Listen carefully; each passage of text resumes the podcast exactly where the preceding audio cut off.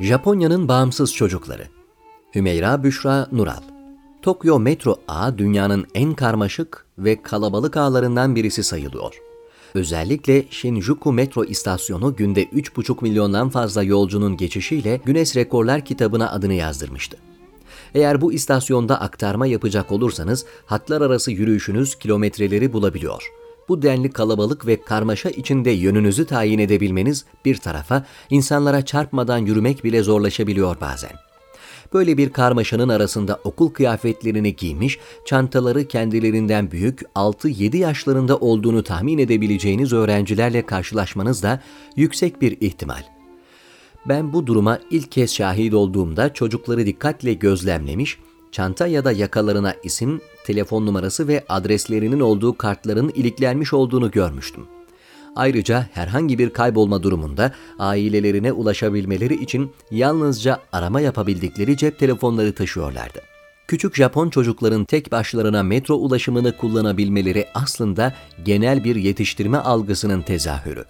Esasen öyle köklü bir algı ki bu, Japon atasözlerinde bile yer edinmiş. Kıymetli çocuğunuzu bir yolculuğa gönderin.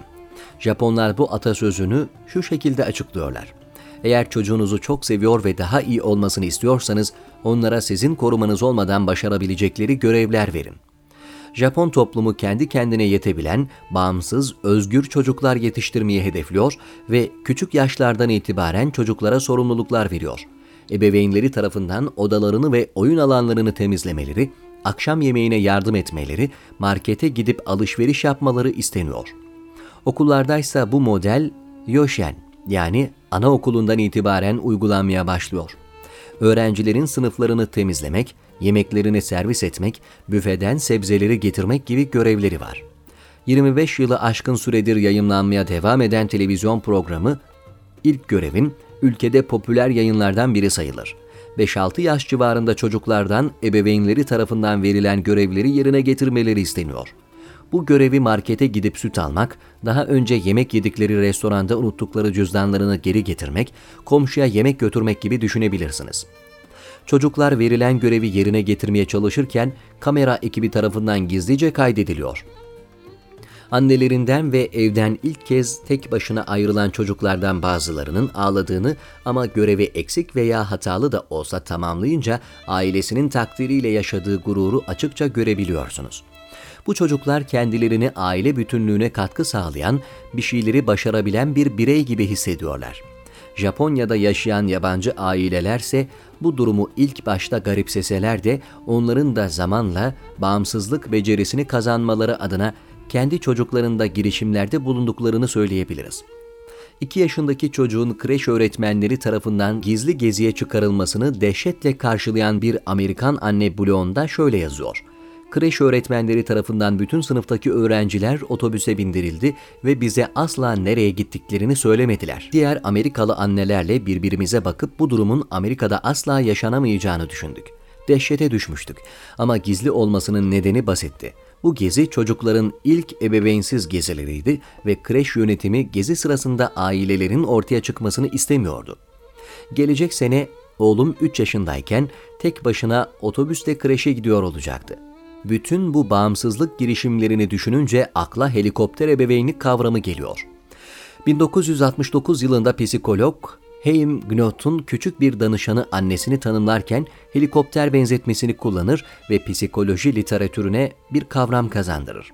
Helikopter ebeveynlerin özelliklerine bakacak olursak çocuklarının üzerinden asla ayrılmayan, çocukların sorumluluklarını ellerinden alıp kendileri gerçekleştiren anne babalar görürüz çocuklarıyla o denli bütünleşmişlerdir ki onları kendilerinden ayrı bir varlık olarak düşünemez, hatta cümlelerinde bile karnımız ağrıyor, sınavımız var gibi çoğul ifadeler kullanırlar. Çocuğuna aşırı odaklı, sürekli tetikte ve kaygılı bu tip anne babaları düşününce Japonya'daki bağımsızlık girişimleri bu duruma karşıt bir uç olarak görülebilir. Bunun da tam karşılığı ise bizi serbest dolaşan özgür ebeveynliğe götürüyor. Helikopter ebeveynliğe karşı pediatrist Benjamin Spock tarafından ortaya atılan bu kavram, sınırlı ebeveyn gözetimi altında çocukları bakımsız bir biçimde yaşamaya yüreklendirerek büyütmeyi ele alıyor. Bu ebeveynlik modeli Amerika'da yasalarla sınırlandırılıyor. Eyaletlere göre değişen yaş sınırlandırmasına sahip bu yasalar, çocukların kaç yaşındayken okula yalnız yürüyebilecekleri, evde tek başlarına bırakılabilecekleri konusunda kesin kural ve yaptırımlara sahip. Örneğin Kuzey Caroline yasaları 8 yaşın altındaki çocukların evde tek başına bırakılmalarını yasaklıyor. Maryland'deki bir aile 2014-2015 yıllarında çocukları parktan eve tek başına yürüdüğü gerekçesiyle soruşturma geçiriyor. Tüm bu örneklerin yanında Japonya'da özgür ve bağımsız çocuklar yetiştirmek yalnızca ailenin görevi değil, toplumsal bir sorumluluk olarak da görülüyor. Bir çocuğun başına sokakta beklenmedik bir durum gelirse diğerlerinden yardım alabileceğine emin oluyor. Okul yollarında genellikle gönüllü geçiş görevlileri bulunuyor ve çocuklara karşıdan karşıya geçerken göz kulak oluyor. Acil durumlarda sığınabilecekleri güvenli ev ve dükkanlar işaretlerle belirlenmiş oluyor. Hatta karanlık olmadan evlerine dönmelerini hatırlatacak mahalle çanları belirli saatlerde genelde akşam 5 gibi çalıyor. Çocuklara daha küçük yaştan itibaren sosyal güven, işbirliği kurma ve takım çalışması becerileri kazandırılmaya çalışılıyor bağımsız ve özgür çocuklar yetiştirebilmek için bu kadar cesur girişimlerde bulunulmasının en önemli nedeni elbette Japonya'nın çok güvenli bir ülke olması. Dünyanın en az suç oranına sahip ülkelerinden biri sayılan Japonya'da aileler çocuklarının başına kötü bir şey gelmeyeceğinden herhangi bir risk ve aciliyet durumunda topluluğun yardımını alabileceklerinden emin. Elbette her ülke şehir güvenlik konusunda Japonya gibi bir düzeyde değil.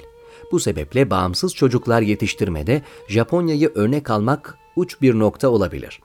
Ancak çocuğun her adımından haberdar, onları aşırı derecede kısıtlayan, sorumluluklarını ellerinden alan anne baba tutumundan kurtulup ülke ve kültür şartlarına göre çocukların ayaklarının yere bastığı, özgüvenlerinin geliştiği, sosyal becerileri erken yaşta kazandığı bir ebeveynlik modeli düşünmeliyiz. Serbest dolaşan özgür ebeveynlik modeli de bu anlamda geleneksel Türk kültürü ve aile yapısına aykırı bir tutum olarak görülebilir. Sanırım çocuklarımızın kendilerine yetebilen bireyler haline gelebilmeleri için orta noktayı bulmalı, ne helikopter gibi üstlerine dönmeli ne de onları bir başlarına bırakmalıyız. Yaşlarına uygun düzeyde sorumluluklar vererek onları yüreklendirmeli, görevin sonucu eksik ve hatalı da olsa olumlu geri bildirimlerle daha iyisini yapabileceği konusunda onları cesaretlendirmeliyiz. Önce yolu gösteren, sonra tek başına yürüyebileceği noktasında onları yüreklendiren ve daima destek alıp danışabileceği bir rehber niteliğinde anne baba modelini hayata geçirebilmeliyiz.